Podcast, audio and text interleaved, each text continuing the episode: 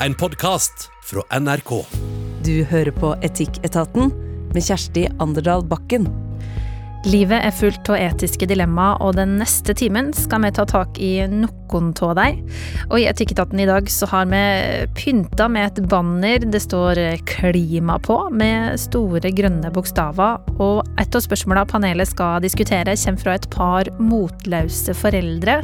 Sønn på tolv år var veldig engasjert i klimasaken. Nå har han mista håpet. Skal foreldra sminke brura når de prater om klima rundt middagsbordet? Og så lurer Vilde på om hun skal heve den moralske pekefingeren når vennen hennes shoppa haugevis med nye klær.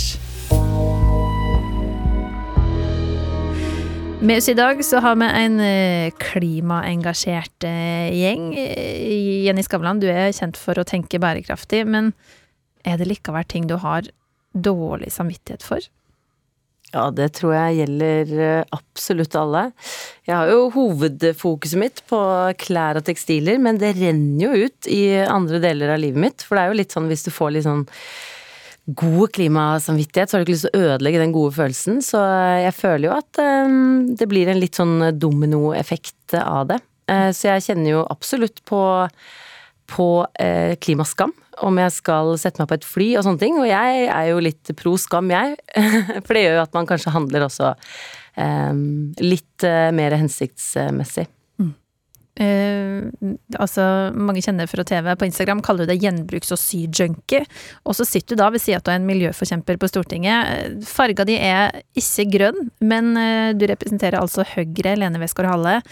Eh, gir du noe i hverdagen som gjør litt sånn eh, vondt i miljøhjertet? Åh, masse. Jeg tror eh, Litt sånn klimaengasjementet mitt handler litt om det å eh, gjøre hverdagen enklere for folk. Da. At det blir enklere å velge de klimaløsningene. For jeg opplever jo at liksom, kanskje både gjennom oppveksten og de siste årene så har det vært veldig sånn Det har liksom gjort litt vondt, og det har vært litt vanskelig å velge klimavennlig. Så for meg så handler egentlig mye av mitt engasjement nettopp om å gjøre det enklere for folk. Da. Gjøre, gjøre det å velge miljø- og klimavennlig kanskje enklere enn det motsatte. Fordi akkurat i dag så er det jo det er jo veldig mye enklere å kjøpe fast fashion. Det er veldig mye enklere å spise kjøtt. Det er veldig mye enklere å bare ja, fly en tur og ta en langhelg i New York. Da. Så det er, det er det å liksom finne de løsningene som gjør at det faktisk ikke har det store klimaavtrykket lenger. Men eh, jeg er eh, definitivt ikke noe grønt eh, for, forbilde privat, så jeg prøver,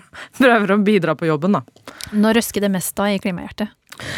Jeg reiser mye, så jeg tror det, kanskje det er det. Eh, og så er det litt sånn, ja, så står ikke liksom fly faktisk for så masse utslipp, men det kan du si om alt, da. Hvis du liksom bryter ned alt. Akkurat den ene lille tingen jeg gjør mye av, det forurenser ikke så mye. Men når du gjør alle ting, som vi jo gjør i Norge, så blir det jo mye til slutt. Så, så jeg er ikke noe, jeg er ikke noe sånn ledestjerne på hva jeg gjør som privatperson. Jeg prøver, men det, ja det er litt å gå på, for å si det sånn. Vi starter liksom med å dytte, dytte dere ned av deres høye hest, når vi kaller dere miljøforkjempere her i Etikketaten. Og så har vi med en tredjemann eh, i panelet som eh, kan kunsten å moralisere, for det har du nemlig skrevet en hel bok om. Men eh, Espen Gamlund, har du likevel noen svin på skogen du også, når det kommer til klima? Altså, jeg har jo fått tre barn, da. Det er jo det verste du kan eh, gjøre klimamessig er jo å sette barn til verden, eh, som skal da eh, igjen eh, sette sitt fotavtrykk på planeten.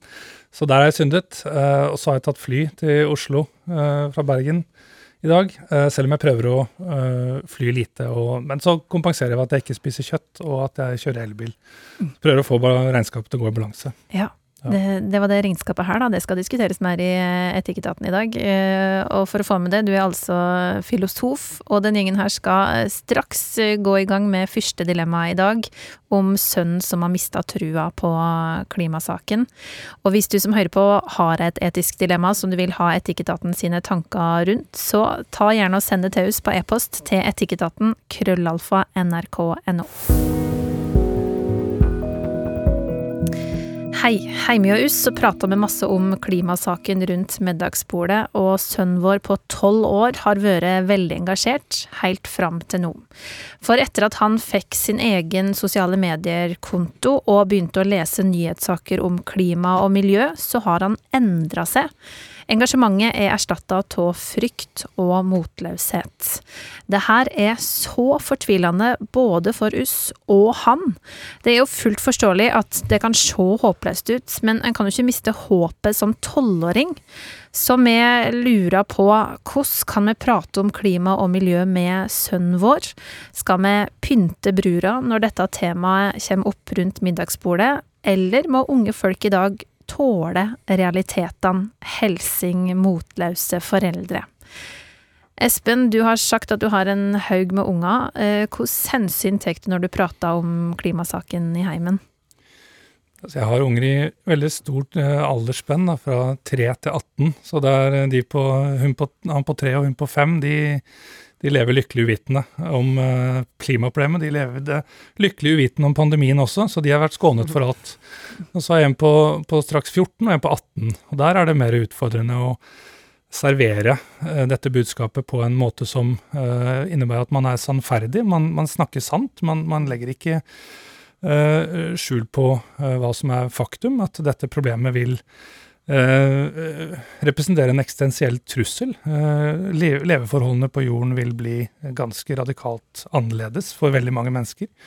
Så du skal være sannferdig, men så skal du samtidig ikke skremme barn og unge. Det, det, det kan vi jo ikke rettferdiggjøre, uh, tenker jeg, uh, i denne, dette tilfellet. Um, Men det er jo fort å skremme bare en prate sannferdig om klima. Jeg ble litt skremt nå, faktisk, når, når du remset, ramset opp dette ordet. Ja. Selv om jeg vet at det er sant, det er noe med å få det i klartekst, så blir man sånn ja men, ja, men kan vi ikke sminke brura? Bare litt eyeliner? Ja. litt lipgloss? Men jeg tenker det er, det er et sånn interessant og viktig språklig poeng her, nemlig at vi, dette har, måtte, nå snakker vi om klimaangst. Mm. Jeg tror det er veldig uheldig å bruke diagnosespråk om eh, klimaproblemet.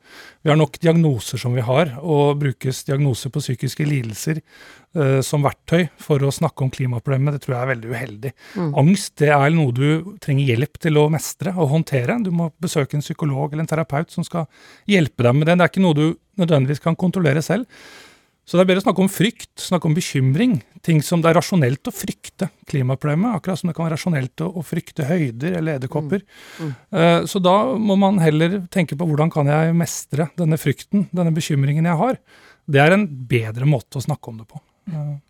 Jenny, du har vel også uh, unger som kanskje begynner å skjønne litt av klimautfordringene.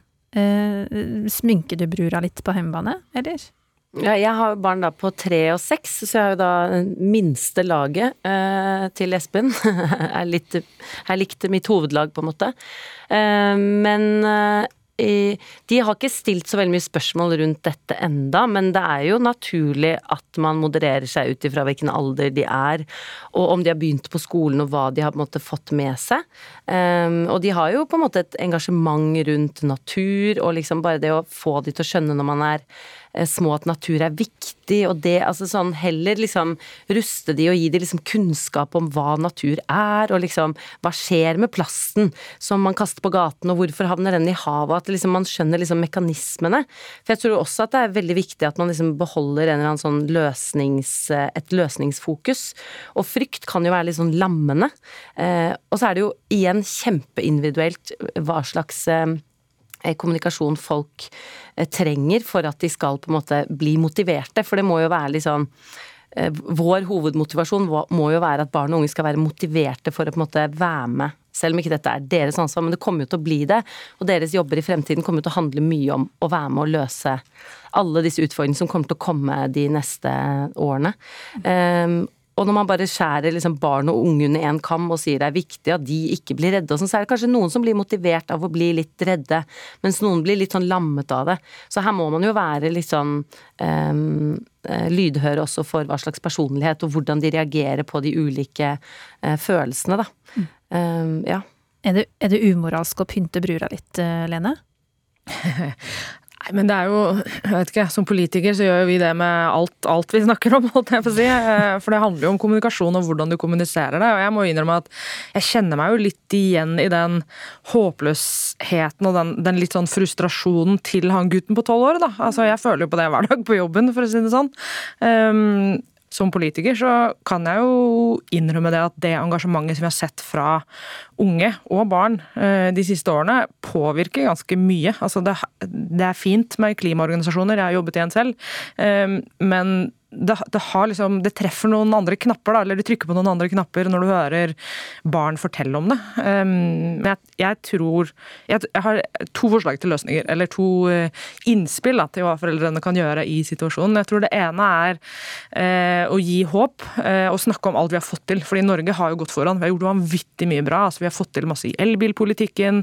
Um, vi går foran på kraftproduksjon. altså Vi gjør masse, masse bra ting. Og vise de konkrete eksemplene eksemplene på hva som gjøres, da, sånn, at, sånn, at, man som barn ikke opplever at ingenting skjer. For det skjer ganske mye, og det har skjedd mye de siste årene. Og det andre det er det at jeg tror veldig på det å bryte det ned da, i litt sånn bite size for barn. Altså, Hvis dere drar på stranda en dag, en helg og plukker søppel, så er det veldig sånn synlig at det du gjør, hjelper. Og Det er kanskje lettere da for barn å få litt håp og, og kanskje se at det, det du gjør da, som tolvåring faktisk kan påvirke. Fordi det kan det. fordi vi er alle bare én. Eh, om det er eh, Sumjenny som går foran og revolusjonerer alt innen sying og klær, eller om det er om du er en politiker eller om du er en tolvåring. Altså, vi er alle bare én. Så det, det, er jo vi som enkeltpersoner som på en måte drar dette videre. Så selv om det er håpløst, og selv om det er utfordrende, og selv om det er en stor oppgave, så har fortsatt jeg håp. da. Jeg tror vi kommer til å få det til, og det er vår oppgave som voksne å formidle det håpet til barn også. Mm. Ja, for summen av alle de overskriftene denne tolvåringen ser, det kan være ganske massivt. Mm. Jeg tenker også at det store bildet er veldig overveldende, og det er det for alle. Det tenker jeg er umenneskelig å ikke bli overveldet av det store bildet. Men det skjer eh, utrolig mye eh, spennende ting liksom innenfor innovasjon, innenfor masse ulike fagfelt. Og det er jo litt sånn noen barn engasjerer seg i eh, forskning, noen engasjerer seg i om det er altså mer sånn håndverk. ikke sant? Barn finner jo gjerne én ting som de kan gå veldig opp i. Ikke sant? Det begynner med sånn Power Patrol eller Elsa, men så kan det jo gå veldig sånn opp i ting. Og jeg personlig som har jo gått veldig opp i dette med tekstil, og jeg liksom søker alltid etter liksom de siste sakene rundt hva er liksom det siste innenfor fiber, hva er det siste innenfor resirkulering av klær. Wow, de har lagd en svær robot i Sverige som kan faktisk liksom gjøre eh, bomull om til ny, nytt bomullfiber og sånn. Og det er jo supermotiverende å følge med på mm. en, et segment man er liksom oppriktig engasjert i. Eh, så jeg tror det å liksom nerde litt over rundt løsningene innenfor et felt man er engasjert i, for der er det liksom Det er jo veldig mye av den den innovasjonen som ikke når massemediene fordi det er liksom litt smalt, kanskje, da. Og massemediene tar jo bare de de største, mest dramatiske tingene, men de der små funnene her og der, som kan potensielt endre hele resirkuleringsordningen vi har, da. Eh, sånne ting. Så kanskje liksom eh, flytte liksom det overveldende store bildet til liksom det derre å være engasjert rundt de siste, kuleste løsningene, da mm. som eh, forskes på og som er der ute. Ja, jeg har et nøletips der. Det er kanskje litt tidlig når du er tolv, men hvis du er tenåring, så de eldre barna dine, Espen. Men Teknisk Ukeblad har jeg lyst til å slå et slag for. Apropos nerding. Det er liksom tidenes nerdemagasin, men det står så mye kult med sånne løsninger. da. De henter frem sånne helt konkrete, håndfaste løsninger mm. på ting som skjer. Så det, og så har, de har fine bilder òg, så det, du kan lese det litt sånn uansett alder, men det er sånn eh, nerdeheaven på alt som har med positive klimaløsninger. Mm. Men eh, Espen, bør alle tolvåringer være engasjert i klimasaken på et eller annet vis, eller kan foreldrene godta at han, han er ikke der akkurat nå? Spørs hva slags bør du har i tankene. her. Altså et, et, moralsk bør eh, kanskje vanskelig å tre over hodene på barna, men et rasjonelt bør. og eh, Det er åpenbart i barnas og unges egeninteresse å bry seg om dette problemet. For det er de som i all hovedsak skal skal måtte håndtere det. Eh, vi og de eldre generasjonene eh, vil jo i mindre grad få dette problemet i fanget. Men det er den balansegangen mellom håpløshet og håp. Altså, jeg er helt enig med det Lene og Jenny sier, at vi må finne mening i de små tingene som vi opplever at bidrar til problemet. Men samtidig er det også sniker tanken sin at hva, spiller det noen rolle hva jeg gjør? Spiller det noen rolle om jeg tar tog istedenfor fly i dag, om jeg kjøper uh, brukt genser istedenfor ny genser? Så de der tankene med, med de, de, presser seg på, uh, og veldig mange tenker og blir liksom fatalistisk. Mm. Ja, men det spiller jo ikke noen rolle hva jeg gjør, dette problemet er et politisk problem uansett. Så da gjelder det å prøve å snu den tanken der, uh, og det, det, er ikke så lett. Men da, da er det et eller annet med å søke mening i det å være, forsøke å gjøre det riktige. Uh, og forestille seg at man skal fortelle barnebarna sine om, om 50-60 år, uh, når de spør hva gjorde du, bestemor eller bestefar, for å løse dette problemet. Jo, nå skal du høre. Jeg, jeg gjorde faktisk Ja. ja Dro på shoppingtur til New York. Yeah. Uh, nei, jeg, jeg gjorde, gjorde, masse, jeg. Eh, gutten min, jenta mi, gjorde masse. Hør her, sånn og sånn. Uh, og da Ok, da, det monner ikke veldig stort, men det er et eller annet med at man har uh, hatt den riktige holdningen, den riktige karakteren, den riktige innstillingen til problemet. Og det tror jeg betyr noe når senere generasjoner skal felle en dom over oss. Ja, så tror jeg at politikerne det kan du svare for, Lene, men de Eh, handler jo også ut ifra våre interesser. Hvis de ser at liksom nå er det ikke kult å handle nytt, folk reagerer på at det er moms på brukte klær f.eks. Her er det liksom masse unge mennesker som har lyst til å gå og handle brukte klær, men brukte klær er jo dyrere enn de trenger å være. Og liksom, hvis de merker de tendensene i samfunnet at folk vil ha noe som de ikke får, så vil jo de, um, vil jo de tilpasse seg det. fordi det er jo da de får velgere, og det er jo da de blir populære, på en måte. Så det å tenke at hvis du tar med deg venninnene dine i en bruktbutikk fremfor en ny, og så syns de, de det var en positiv opplevelse. Og så, og så har det liksom ringvirkninger som når tinget til slutt, på en måte. Um, men Lene, det her så man skal sånn, undervurdere det. Og det her er jo sånn typisk argument som også, hvis jeg skal også reinvaske meg sjøl, og som også andre bruker, det her må politikerne ta tak i. Ja. Er ikke det litt sånn eh, Vi legger ganske masse på skuldrene deres, Lene. Er det litt skummelt også?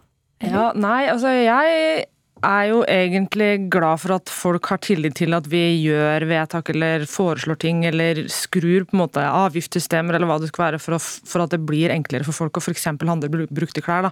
Um, for at den, Når du driver med politikk, én ting er jo altså Vi prøver jo å gjøre som Jenny sier, det folk vil at vi skal gjøre, men det hender jo at vi gjør ting som vi tenker at kanskje ikke gjør oss populære, men som er riktige. Da. Mm. Uh, og når man snakker om moral, moral og etikk og sånn, så er det, jo, det er jo en del grep vi gjør på Stortinget som kanskje ikke er liksom populære eller lette å selge, men som vi tenker at ja, dette er viktig fordi vi oppnår noe på sikt som er, er noe vi altså gå i en retning vi vil. Og det er jo masse ting vi gjør på Stortinget som ikke når forsiden av VG. Som egentlig er veldig mye mer revolusjonerende enn hvem som har gifta seg med hvem, eller hvem som uh, har vært med på hvilken reality-serie, eller hva det nå skal være som man leser i VG og Dagbladet om dagen.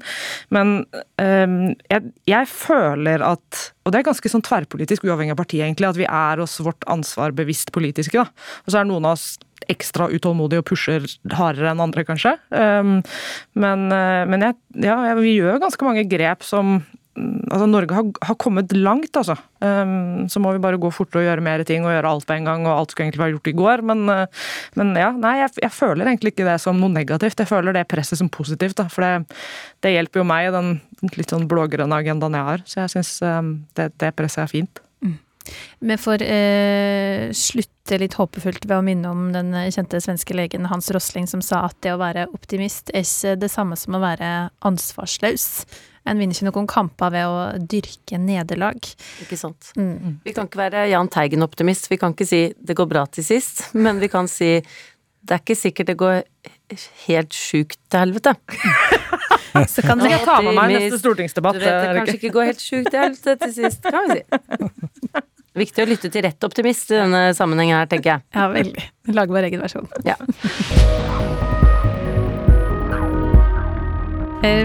Vi skal eh, videre til neste dilemma her i Etikketaten. Sammen med meg som heter Kjersti Anderdal Bakken, så sitter altså en eh, klimaengasjert gjeng, Jenny Skavlan, i det siste mest observert i media framfor en eh, symaskin i gjenbruksklær. Espen Gamlund, filosof og profesjonell moralist. Det kan komme godt med nå. Og sistemann her i dag, Lene Westgård Halle, som er med på å bestemme hva Norge skal gjøre med klimautfordringene på Stortinget. Her står det altså Hei. Jeg er med i en venninnegjeng som har holdt sammen siden videregående. Nå bor vi på ulike plasser, men holdt kontakten via Snap, og det er jeg glad for. Samtidig så sliter jeg med at de alle har et helt annet syn på forbruk enn meg. Mens jeg elsker å kjøpe og selge brukte klær, så er de fire andre veldig glad i shopping. Stadig deler deg bilde av kupp det har gjort på salg, eller de forteller med stor entusiasme om den store boksen som kom på døra fordi de ikke klarte å stoppe å handle i en nettbutikk som bare hadde så masse fint. Forbruket deres gjør meg kvalm. Jeg sliter med å skjønne hvordan de kan velge å overse nyhetssaker om klær som blir dumpa i ørkenen, og klesfabrikker med elendige arbeidsforhold, for ikke å snakke om alle utslippene klesindustrien står for. Så langt så har jeg bare ghosta samtaler når det blir prat om shopping, men hva bør jeg egentlig gjøre? Er det innafor å moralisere på klodens vegne, eller skal jeg holde kjeft og fortsette å ghoste? Eller finnes det et tredje alternativ som både kan hjelpe jorda og vennskapa jeg ikke vil miste? Helsing Vilde. Espen, har vi rett noen gang til å moralisere over andre sine valg? Ja, mye oftere enn det vi tror. Så godt å høre. Ja, det var deilig å høre. Ja.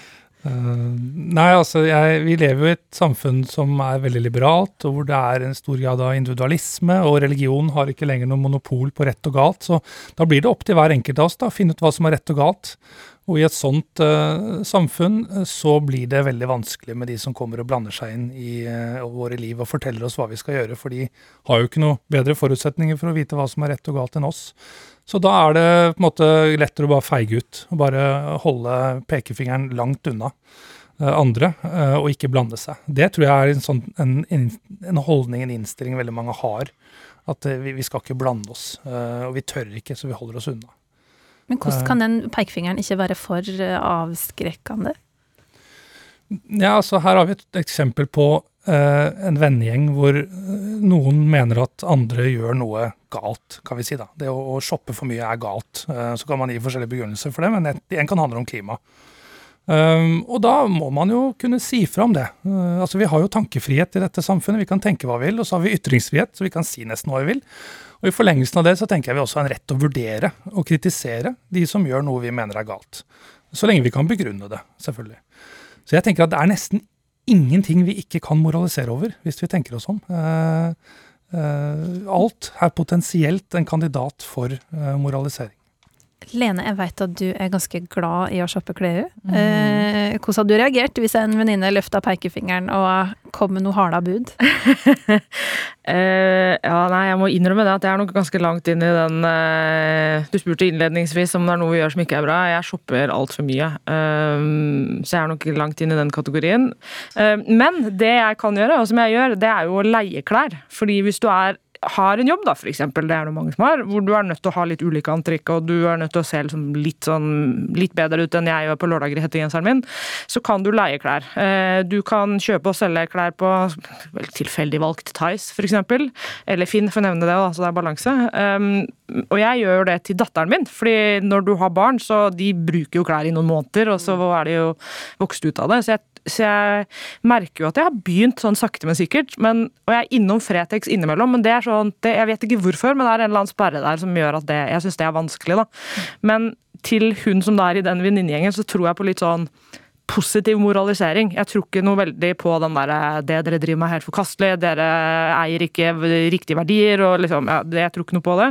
Ehm, men jeg tror på å si f.eks.: Har dere sett denne hos Fjong, da, eksempel, mm. hvor du kan leie klær? Har dere hørt om de? Har dere sett disse kule her? Her kan dere gjøre det. Da kan du ha forskjellige klær mm. hele tiden. Eh, og kan være hipp og kul, eller hva det er du ønsker å være. Og så gjør du det på en både kanskje mer økonomisk måte og klimavennlig måte. Eller du kan, eh, hvis du skal på fjelltur så trenger du ikke kjøpe det siste fjellutstyret. Du kan låne slash leie. Det finnes flere apper og flere steder hvor man kan gjøre det. Mm. Um, så, jeg, så, jeg, tror på en litt sånn positiv moralisering. Uh, og, merker, og, så har jeg merket én ting, da, fordi jeg har uh, danske foreldre. Og i Danmark så er liksom loppemarkeds tradisjon veldig veldig sterk. Veldig annerledes enn i Norge. Jeg går aldri på loppemarked i Norge, men når vi er i Danmark, så gjør jeg det hele tiden. Syns jeg er kjempegøy. Eh, og så kjøpte vi en sånn liten hytte i Danmark i fjor, eh, og nesten alt interiøret der er ting jeg enten har laget selv eller snekret om selv. For jeg, jeg kan ikke sy, men jeg er litt sånn handy. Jeg kan snekre litt. Og, og den mestringsfølelsen da, du får når du har laget noe selv, og det kan jeg godt tenke meg er det samme når du liksom syr så sinnssykt kule klær som Jenny gjør.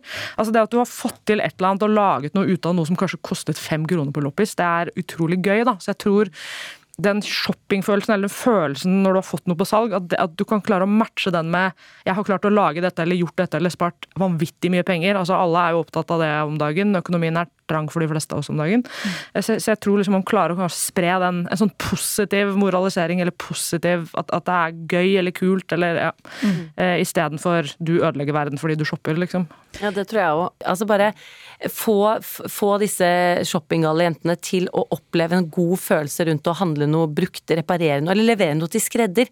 Jeg skjønner at løsningen er ikke at folk skal sy sine egne klær, for det har ikke folk tid til. For det, jeg bruker min arbeidsdag på å sy klær for at andre skal kunne gjøre det i sin ferie, eller når de, hob, altså når de har helg eller andre ting, da. Men det å kunne reparere ting, altså lukke en sønn som har åpnet seg, legge opp en bukse, en av grunnene til at folk ikke bruker klærne sine, er fordi de ikke passer. Mm. De er for vide, de er for Altså, fordi kroppene våre er jo egentlig ikke lagd for kjedebutikkene. For kjedebutikkene opererer med sånne måltabeller hvor det er sånn hvis du er en medium, da har du så brede skuldre, mm. og så går du så langt ned, og der sitter livet ditt, og det er så stort. Og det er sånn, sånn er det jo ikke. Uh, så folk ender opp med å kjøpe mye klær, for de er på jakt etter den kjolen som sitter liksom smakk på, da. Og det å utnytte seg av skreddertjenester, det kommer jo mer og mer av det, fordi flere og flere er opptatt av å handle brukt og eventuelt tilpasse til egen kropp. Eller så er dette et fantastisk eh, sted hvor generasjoner kan møtes. Det er kjempemange som startet sin sykarriere ved å sy eh, skoleballkjole med bestemoren sin, eller moren sin. Kjempemange begynner der. Og da er det liksom et håndverk som ligger i en besteforeldregenerasjon, som ikke må dø, dø ut med dem, fordi vi trenger den, eh, de ferdighetene vi òg, for at vi skal kunne ta kontroll over eget klesforbruk, og liksom på veien ha det gøy med klær. Jeg er jo ikke noe sånn som sier sånn du burde ha ti plagg, da blir jeg sånn snork, for jeg elsker jo klær på en måte. Men hvis du handler brukt, hvis du lærer deg å tilpasse eller finner en skredder som sitter med dine mål og vet Det er masse muligheter i i disse reparasjonsmulighetene og sånn. Men da må også dere fjerne moms på reparasjon. men du sier det der med å ikke ha mye klær. Jeg tror på å ha lite, eller ha, ha mindre klær. Vi har alle for mye klær. 15 kilo i året bruker vi i tekstiler i Norge i snitt. Det er så masse, det. Ja, det er helt vilt. Men eh, altså, Espen Lede mener at det ligger i huset å, å shoppe, men har med en plikt her som enkeltpersoner til å slutte å hamstre. Har vi en plikt til å slutte å hamstre? Eh, Eller kjøpe mer enn vi trenger? Har vi ikke en plikt til å ta hensyn til konsekvensene av våre handlinger, da? Eh, og tenke gjennom det? Eh, og her, er det et aspekt ved det at denne, denne uh, venninnen her som er opprørt, et aspekt uh, ved dette er jo å rett og slett uh, opplyse vennene hvis kanskje ikke de vet om uh, hvordan kleshandel fungerer, kanskje ikke vet om hvilke fotavtrykk dette har. Så da består jo første, første oppgaven består jo å utdanne dem, holdt jeg på å si, opplyse dem om faktum. Veldig ofte er det jo slik at vi er jo ikke klar over at noe er moralsk problematisk i utgangspunktet, så noen andre må fortelle oss det. Og da kan vi være takknemlige for at noen andre fortalte oss oi, er det slik at er dette jeg gjør, det er problematisk? Ja, mm. Å ja. Er det andre måter jeg kan gjøre ting på? Oi, så flott. Mm. Så det er et eller annet med å, den, for å bruke Lene sitt ord, positiv moralisering. altså det å ikke si noe, det fremstår som veldig rart og veldig feigt. Hvis man oppriktig mener at dette er viktig, så må man si fra også til vennene sine. Så man må teste vennskapet. Hvis ikke vennskapet tåler at man sier fra om det, så er det kanskje ikke verdt så veldig mye. Og så kan man være konstruktiv og foreslå alternativer til å kjøpe nytt hele tiden. Eh, jeg kan heller ikke sy eh, klær, men jeg kan kjøpe klær på, på Fretex. Og har selvfølgelig også for mye klær, jeg ser jo det. Men jeg, et botemiddel mot det er å ikke kjøpe nye klær. Og det mm. gjør jeg jo heller ikke, så jeg bruker de klærne jeg har til det ikke går lenger. Ja, de fleste menn gjør det. Dere er litt flinkere enn oss damer der. jeg har et ganske godt eh, tips på nettopp dette å ta, ta til seg liksom, informasjonen, og ta til seg liksom det faktiske problemet. For jeg har også hatt perioder hvor jeg har handlet alt altfor mye, liksom før jeg virkelig satte meg inn i eh, hva dette betyr. Og så har jeg hatt da shoppestopp et år. Eh, hvor det første halve året kunne jeg handle brukt, og så tok jeg et halvt år, for da skjønte jeg Jeg gikk jo apeshit i alle bruktbutikker for å, eh, for å mm, ja, få den følelsen som var så god. Eh, og så handlet jeg ingenting et halvt år. Og den den lettelsen som lå i å ikke jakte på noe. For jeg tror, spesielt hvis man er kvinne og opptatt av klær, så blir det sånn Ja, men nå trenger jeg bare en hvit bukse til den blusen, så, og så må jeg bare ha den disko... Så skal du hele tiden finne et element til til det der antrekket. Men så var det noe med at jeg fikk sånn, sånn god samvittighet rundt at jeg hadde liksom tatt avstand fra det eh, for en periode, og så fikk jeg litt et sånt fugleperspektiv på det store problemet. Og så leste jeg mye mer saker, jeg så dokumentarer og sånn, fordi jeg kunne liksom sitte trygt i sofaen og se på disse dokumentarene og ta inn denne informasjonen med liksom god samvittighet. Og når du først har fått inn informasjonen, så kan du ikke fjerne den igjen. så da jeg gikk ut av den shopstoppen og hadde virkelig lest meg opp Jeg har sett alt fra liksom eh, arbeidsforhold, den forferdelige brannen i India under den tekstilfabrikken Du liksom, du vet for mye til å gå tilbake til det gamle mønsteret ditt, da. Så det var en sånn slags detox eh, hvor du også oppsøker saker. Fordi det er jo litt sånn hvis du er veldig stolt, nei, jeg skal ikke handle et år eh, på et halvt år, og så dukker det opp en sak i media som er en kritisk sak rettet mot klesindustrien, så vil du jo lese den, fordi den fòrer jo din begrunnelse mm. for å ha tatt avstand til det. Så man søker jo mye mer informasjon. Og bli, kommer nok ut av det som en eh, sunnere forbruker. Så Men kan hun vil jeg anbefale. Hun kan jo foreslå det. En sånn liten battle, sånn skal vi alle bli med på Shopstop. Vi begynner med liksom tre måneder. Og så kan de putte noe penger i noe vin i potten, og så woo, vi klarte det, og hvor mye penger har vi spart, og sånn. Byttekveld, for det har jeg gjort med venninnene mine noen ganger. Fordi å ha byttekvelder er ganske kult, for da disse venninnene her de bor jo litt langt fra hverandre. Så de, det er jo en anledning til å treffes. Så det kan være en sånn positiv måte å treffes på, og da blir det liksom litt tema. Hvis alle har med seg litt klær som man kan bytte. Jeg får se om det blir et grønnere år for eh, vennegjengen til Vilde og må klare å liksom eh, hekte deg på klimaengasjementet sitt. Vi skal gjøre til dilemma tre med her i Etikketaten. Og hvis du som hører på har et dilemma som det vil at vi skal diskutere, så send oss gjerne en e-post. Adressa det er etikketaten krøllalfa nrk.no. Vi skal ta og forlate klimaspørsmåla litt, og så skal den beveges inn i jobbhverdagen. Ivar har nemlig sendt oss et spørsmål som handla om en kollega som er veldig effektiv. Eh, Espen Gamlund, filosofen i panelet, er du en effektiv type? Jeg er nok det. altså Jeg liker å bruke dagen effektivt. Eh, tid er den mest verdifulle ressursen og den mest begrensa ressursen jeg har. Så hvis jeg ikke er effektiv på jobb, så, så lager jeg problemer for meg selv. Er du effektiv på jobb, eh, Jenny Skavlan? Åh, jeg vet du hva, jeg er så effektiv. Jeg føler at jeg, jeg har en rakett i ræva. Jeg, jeg, prøver å ikke tisse, for eksempel. Eh, så jeg pleier å tisse på vei ut av kontoret med sykkelhjelm på, for da har jeg spart litt tid der òg. Jeg kan drikke Jeg drikker av strykeflasken min. Altså jeg står og stryker, for jeg blir også så engasjert. Jeg elsker jobben min så høyt at jeg vil jo bare få maks ut av det. Så denne problemstillingen her syns jeg er kjempeinteressant. For jeg har virkelig sånn stolthet rundt Det er masse jeg er ræva på, men å, jeg er så effektiv.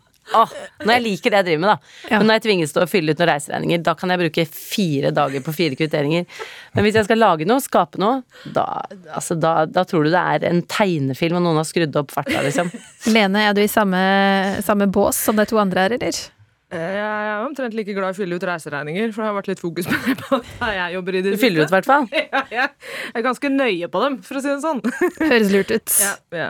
Eh, nei, jeg er nok ganske effektiv på jobb, ja, men jeg tror det er litt sånn samme som Jenny, da, at jeg er vanvittig engasjert i det jeg driver med. Så det er ikke jeg vet ikke om det egentlig er fordi at jeg er så effektiv, men det er fordi at jeg brenner sånn for det jeg gjør. Så jeg må rekke så mye, og det er så mye som er viktig. Så, ja, så, det, så jeg, jeg, er på jobb veldig strukturert og veldig effektiv. Eh, hjemme Not so much. Ok. Vi skal eh, spørre noe om effektive folk bør ha fordeler. Her har vi jo da tydeligvis eh, tre som eh, Oi, nå kommer det en person her. Var det noen eh? Bare fikk litt vann her. Ok, riktig. Bra. Godt. Tusen takk. Godt. Men spørsmålet er altså skal de effektive ha fordeler? Det lurer altså Ivar på, som har sendt et dilemma til etikketaten krøllalfa nrk.no. Hei, jeg har en kollega på kontoret som ofte går fra jobb en time før arbeidstida er over. Hvis noen spør om han skal gå alt nå, så svarer han at han er så effektiv når han jobber.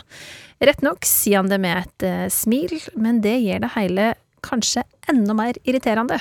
Og han har sagt i fullt alvor at han mener at han har rett til å tenke sånn. Hva mener Etikketaten om denne eh, taktikken? Er det sånn at han er det sånn at en kan gå før om en er effektiv? Helsing Ivar. Og så legger han da til at de jobber på en arbeidsplass der det alltid er mer å gjøre, så det er ikke det at arbeidsoppgaven tar slutt.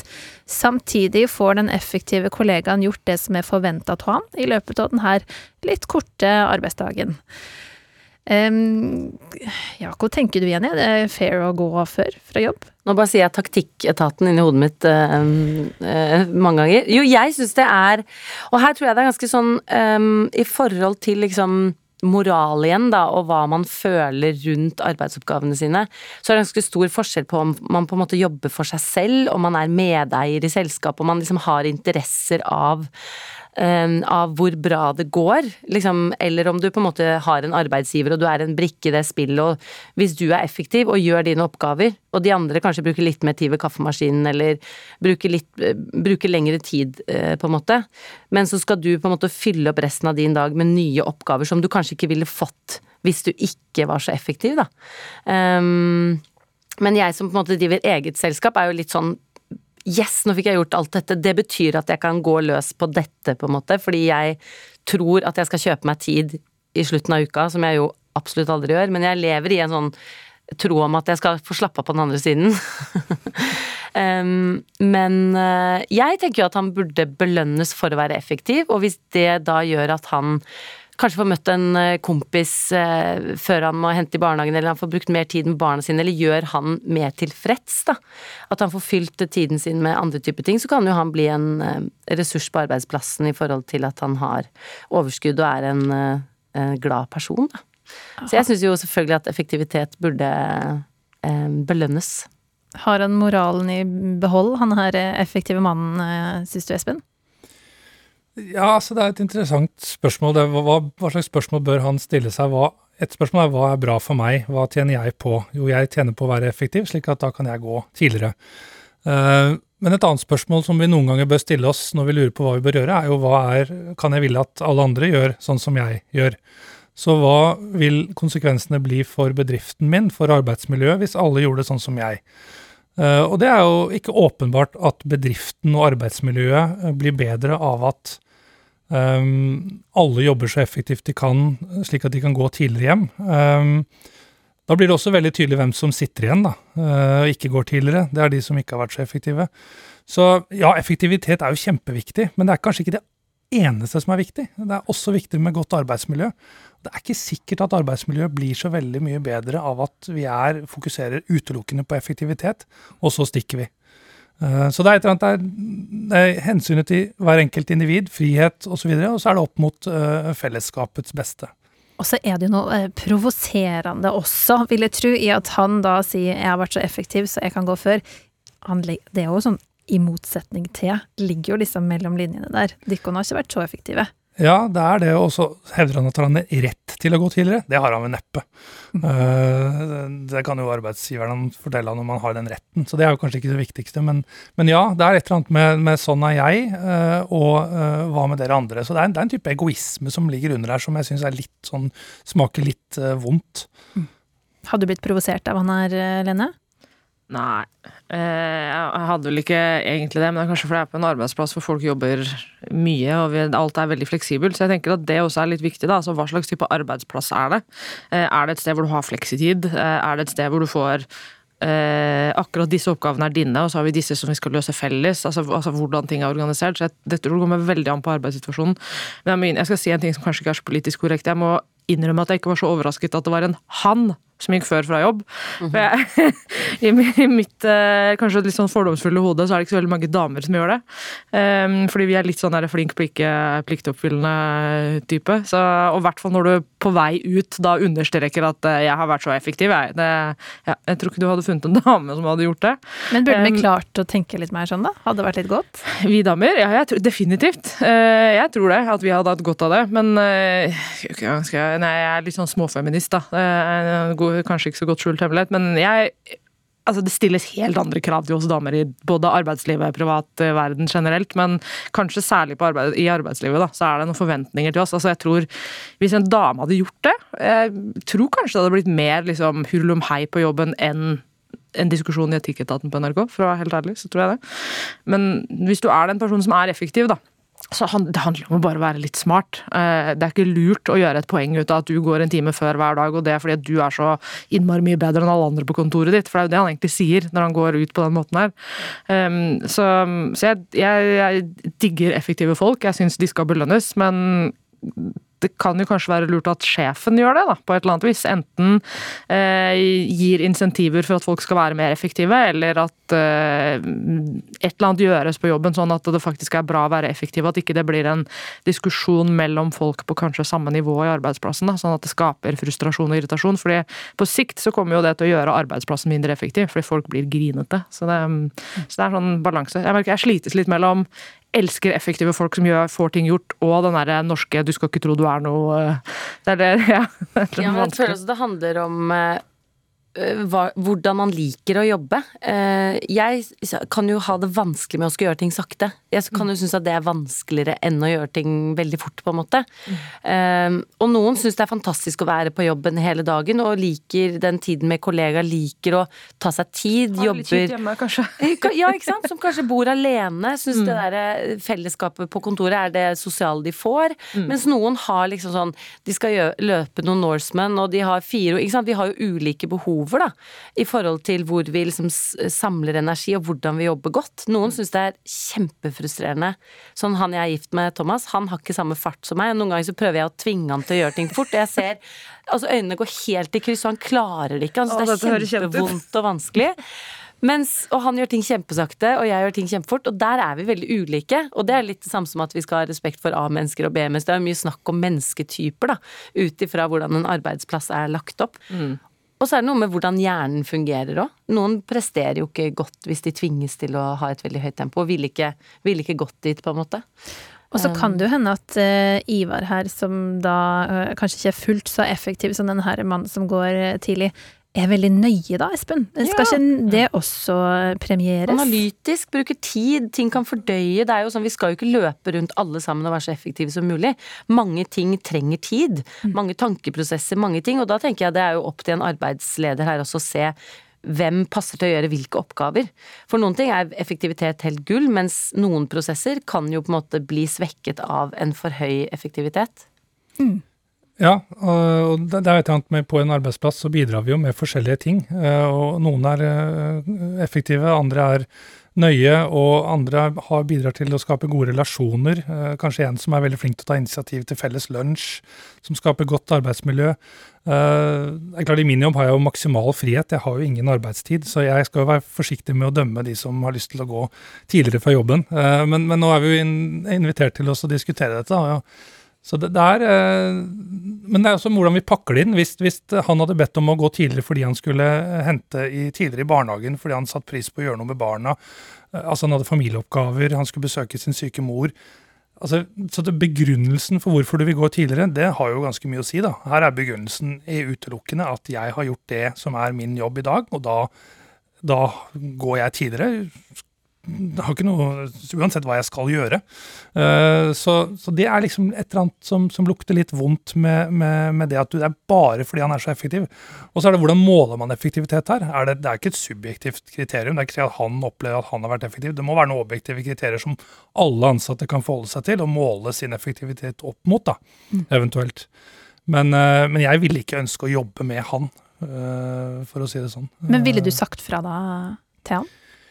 Ja, hvis jeg var hans sjef, så ville jeg i hvert fall sagt fra. Men jeg tror også jeg ville, sagt fra som kollega hvis jeg opplevde at han øh, var veldig, hadde veldig hastverk med å komme seg hjem hver dag. Så jeg lurte på hvorfor i all verden har du det?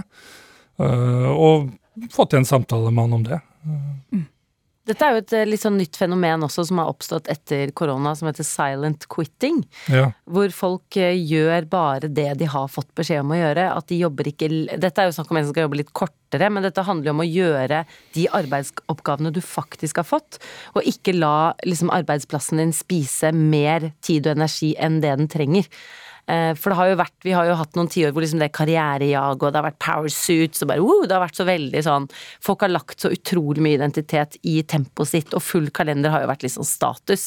Mens nå er man jo på litt mer sånn hvis du klarer å distansere deg, hvis du klarer å finne ro, hvis du klarer å finne tid, hvis du klarer å være til stede, ikke sant. Folk mediterer og faster og liksom Det er den der tilstedeværelsen folk eh, jager etter. Og dette er jo litt Dette er jo egentlig en litt sånn moderne ting, da. Eh, som er jo litt under det silent quitting-fenomenet eh, som har oppstått. Det står egentlig at du jobber innenfor arbeidstidene dine, og her snakker vi om en som på en måte pusher litt.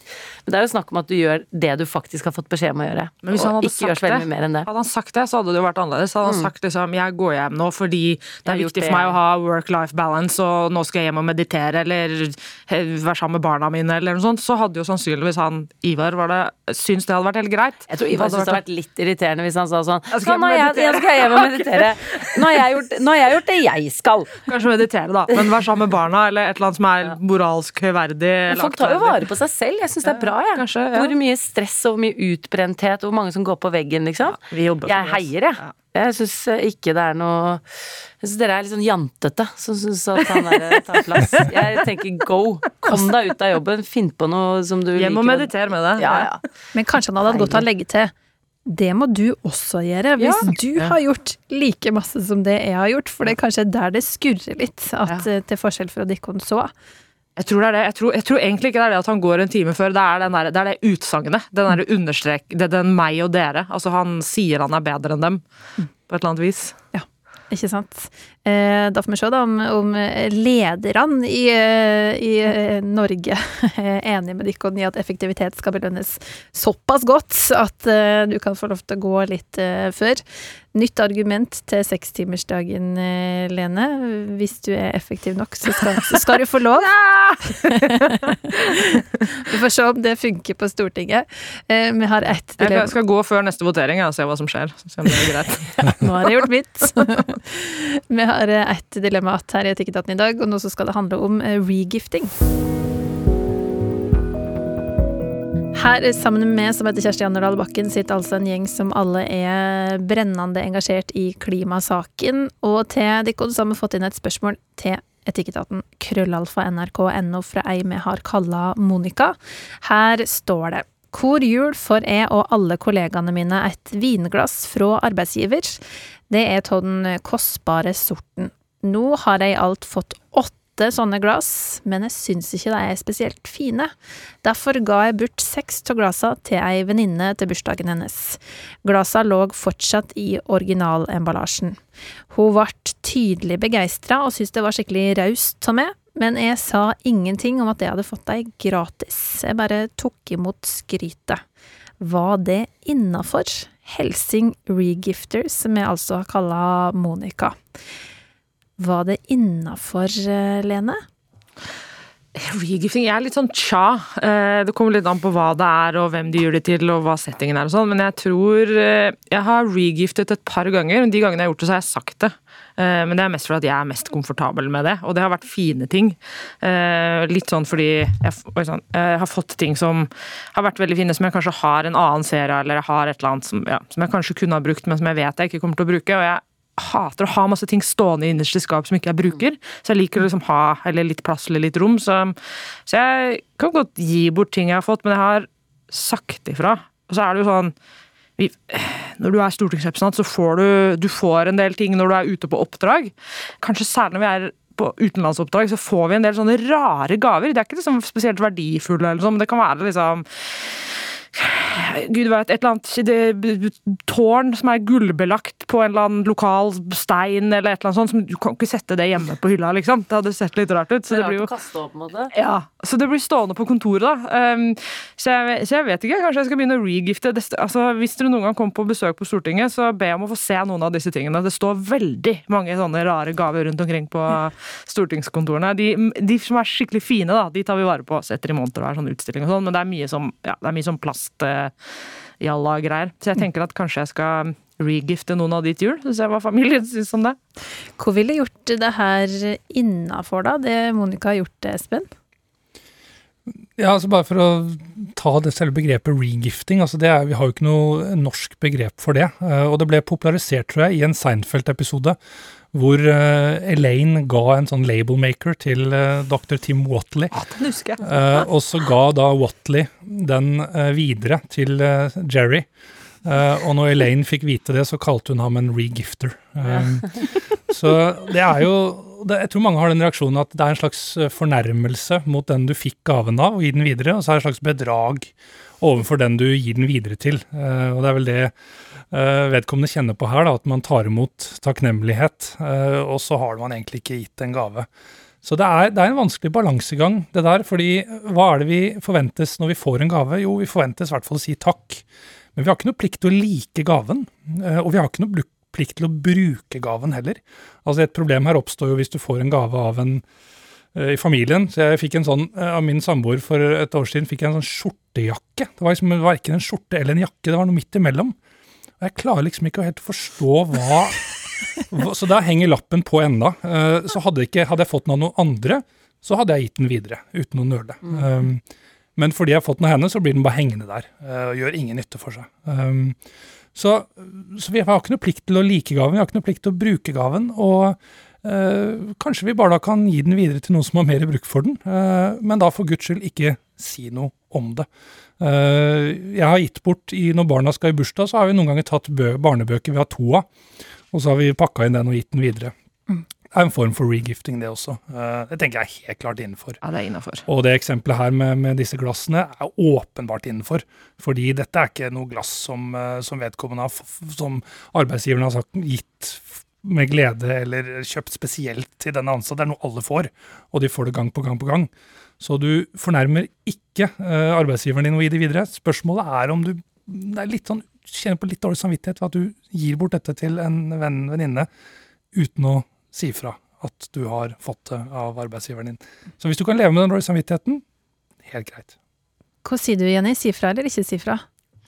Uh, nei, jeg syns vi skal normalisere regifting. Uh, altså, vi, ha, vi, lever i et forbrukssamfunn som er fullstendig ute av kontroll. Og hvis vi absolutt skal koble gaver til at det skal være nytt, og det skal ha kostet deg penger, i en tid hvor folk har lite penger og vi har et overforbruk, så tenker jeg det er helt, det er helt bak mål at ikke dette er mer normalisert, liksom. Med tanke på hvor mange gaver som kjøpes rundt jul, hvor mange milliarder vi bruker på julegaver, og at folk fortsatt er sånn ja, det er litt flaut at jeg ikke har brukt penger, så blir jeg sånn nei, det er jo fantastisk fantastisk at du ikke har brukt penger! Og det er jo fantastisk at du ikke har gått og kjøpt nok en ting som potensielt har blitt sendt verden rundt, det har blitt hentet ut råolje for at du skal bruke penger på en ny ting! Det er helt sånn, Jeg syns det der med gaver er helt absurd, at ikke det har blitt mer liksom, Det er jo tanken, vi må tilbake til det. Eh, når man sier sånn det er litt flaut at jeg ikke har, at jeg har fått de. Det tenker jeg sånn, så lur, Du er så lur! Luring! Um, og jeg er liksom Jeg er ustrukturert og treig på gaver, så det der at jeg også med stolt Du kan få noen av de jeg har på kontoret, så kan du ja, regifte. har så mye ting selv. Jeg er jo eh, stolt regifter, både fordi det er, det er, praktisk med meg som er veldig dårlig til å huske bursdager og, og begynne med julegaver eh, tre dager før jul. Uh, så jeg syns jo dette er et helt genialt konsept. Um, men det er jo litt sånn når man skal drive og gi ting fra seg, og når man skal produsere opp ting som man skal gi til uh, stortingspolitikere eller man skal gi til ansatte, unngå logoer. Ja. Ikke oh, lag det samme som ja. med T-skjorte. sånn. Ikke okay, lag merch. Nå, nå, ble jeg enig med deg. Ikke trykk opp liksom 7000 glass hvor det står Halden kommune. Ja. Bare lag noen pene glass som kan ikke sant? Dette er sirkulært. Vi må lage ting som er sirkulære. Ting som kan mm. flytte eier. Vi må ikke liksom låse ting sånn Å nei, hvorfor står det Halden på alle glassene dine? Altså, her må vi være lure i produksjonen, og så må vi være lure selv. Hvis du kan spare penger og forbruk ved å gi en gave du har fått eh, av noen andre, herregud, kjør på. Jeg håper, jeg håper alle, flere brukte gaver enn nye gaver. jeg håper sånn, alle kommunalt ansatte hører det med den kommunelogen. Jeg har så mye vaser og glass med fylkeskommune ja. og kommune og gud vet hva. Men også skriv for eksempel Uh, her har du en genser som jeg alltid har tenkt at Som jeg vet at du har sett litt ekstra på. Jeg gir masse brukte klær til søsteren min for hun sikler på klærne mine, og så ser jeg sånn Å, oh, sikla litt ekstra i dag. Da får du den til jul, liksom. Mm. Og så kan du skrive et, uh, Når du kjøper ett brukt plagg, så sparer du verden for så og så mye CO2. Dette, alt dette finner du jo tall på. Liksom begrunn begrunn i et klimaperspektiv. Eller også gi bort det å gi en brukt bok, eksempel, som du har likt, som du, ja, som du har lest og likt. Det er jo en fantastisk ting, istedenfor å si sånn Den her fikk bra terningkast, eh, de på ark anbefalte den. Så mye hyggeligere hvis du selv har lest den, og kan sette små merker i margen og si 'se ekstra her', liksom sånne ting. Da løser du det med den tanken. Ja. Så er det tanke bak, Ja, istedenfor at det bare er Ikke si som det var litt praktisk, men si sånn 'disse tenker jeg at du hadde likt Mm. veldig godt'. Altså argumentere for hvorfor de får det. Det bør vi egentlig gjøre på alle julegaver uansett. For jeg tror det er veldig mye sånn der vi bare kjøper et eller annet i siste. Og hvis du handler tre dager før jul, da, så Mm. kan det bli mye rart. Ga gavetradisjonen bidrar jo på en måte til å drive forbrukskulturen fremover. da. Mm. Så, så det er et veldig sterkt klimaargument for regifting. Eh, men jeg tenker på igjen et spørsmål at du er vel, Hvis du er for regifting, så er du også mot ønskelister, da vil jeg tro. Ønskelister blir jo Ja, Det blir vanskeligere med regifting ja, det blir vanskeligere med regifting hvis, du er aksepterer ønskelister. Jeg tenker så Hvis man sier sånn en, en koselig ullgenser, det er sånn takk, da kan jeg søke rundt på nettet, altså finne brukte ting. Men jeg presiserer, mine barn ønsker seg jo konkrete ting, men når ønskelisten går ut fra, så skriver jeg alltid sånn prøv å finne brukt. Og jeg tenker hvis den som skal motta gaven, presiserer vi tar gjerne brukte gaver, så er det utrolig mye lettere, fordi hvis du som skal kjøpe gave sitter og er sånn jeg vet, jeg vet ikke om hva de syns om det, men hvis mottakeren, hvis alle sier sånn brukt er topp i vår familie, så Det er er du kvitt den derre tankerekken, liksom, Det er og jo bekymringen. dødsbra idé. Det skal jeg søren meg gjøre. Ta med. Har du snudd, eh, Espen, i å ikke være åpen når du regifter? Eller? Um, jeg tolket jeg Lene og Jenny at de ville vært åpne om at de hadde regifta? Absolutt. Ok. Og begrunnet dette, eh, hvorfor personen mottar gaven. Ja. Jeg, jeg vet ikke. Altså ja, men eh, hvis jeg hadde klart å leve med dårlig samvittighet, så hadde jeg holdt kjeft. Eh, men hvis jeg hadde kjent at det var vanskelig, så tror jeg jeg hadde sagt fra. For jeg- Men gaven mister noe av sin verdi hvis du sier at du har, de glassene du har fått av meg, de har jeg fått gratis av arbeidsgiveren min. Trenger ikke formulere det på den måten, da. Nei, du kan jo Men du sier inn. dårlig samvittighet. Jeg kjenner jo ikke et spor av dårlig samvittighet. Du blir sånn, da må du leve med dårlig samvittighet. Jeg blir sånn, hvilken Ja. dårlig samvittighet da? Så her, ikke sant, dette var det vi snakket om i sted. Man føler ulike ting rundt ulike ting. Godt eksempel på det. Men hvis Monica da gir liksom eh, seks dyre vinglass, altså vinglass kan jo koste 800 kroner stykket, så det vil jo si at hun har gitt en hinsides svær gave til venninna si hvis hun hadde kjøpt alt det her eh, nytt, så da legger hun lista ganske høyt, da, Espen, hvis hun ikke sier at det her var en regifting. Det er, det er et godt poeng, så da føler hun at hun må gi tilsvarende noe tilbake. eh, og det skaper en sånn litt sånn vanskelig spiral. Så den kan jo løses da, eller kuttes ved bare at hun får vite at dette var regifta. Og da kan hun ikke bytte det heller, ikke sant. Det er litt sånn hvis regifter, og så plutselig sier sånn du, det funket ikke, hvor er de kjøpt? Så blir det sånn å ja, jeg glemte å si. Så det er digg å bare si det med en gang. Eventuelt eh, skriv det på kortet. Mm. Eh, Du er så glad i vin. Ja, så her skal du få noen nydelig, nydelig glass fra Halden kommune. Fylletrude. Du kan ta disse. Og der uh, tenker jeg at vi setter et nydelig punktum for Etikketaten uh, i dag, og ruller sammen vårt uh, imaginære klimabanner. Og de som har sittet under det og øst av sin kunnskap, det er altså Høyre-politiker Lene Westgård Halle, filosof, tilsett ved Universitetet i Bergen Espen Gamlund, og gjenbruks- og syinspirator Jenny Skavlan. Etikketaten det hører du altså i NRK P2 Kor torsdag klokka tolv, og når du vil som podkast i appen NRK Radio. Og så tar vi da gjerne imot tips til etiske dilemmaer vi bør eh, diskutere. E-posten vår det er etikketaten krøllalfa nrk.no. Kjersti Anderdal Bakken heter jeg, og vi høyrest. Du har hørt en podkast fra NRK.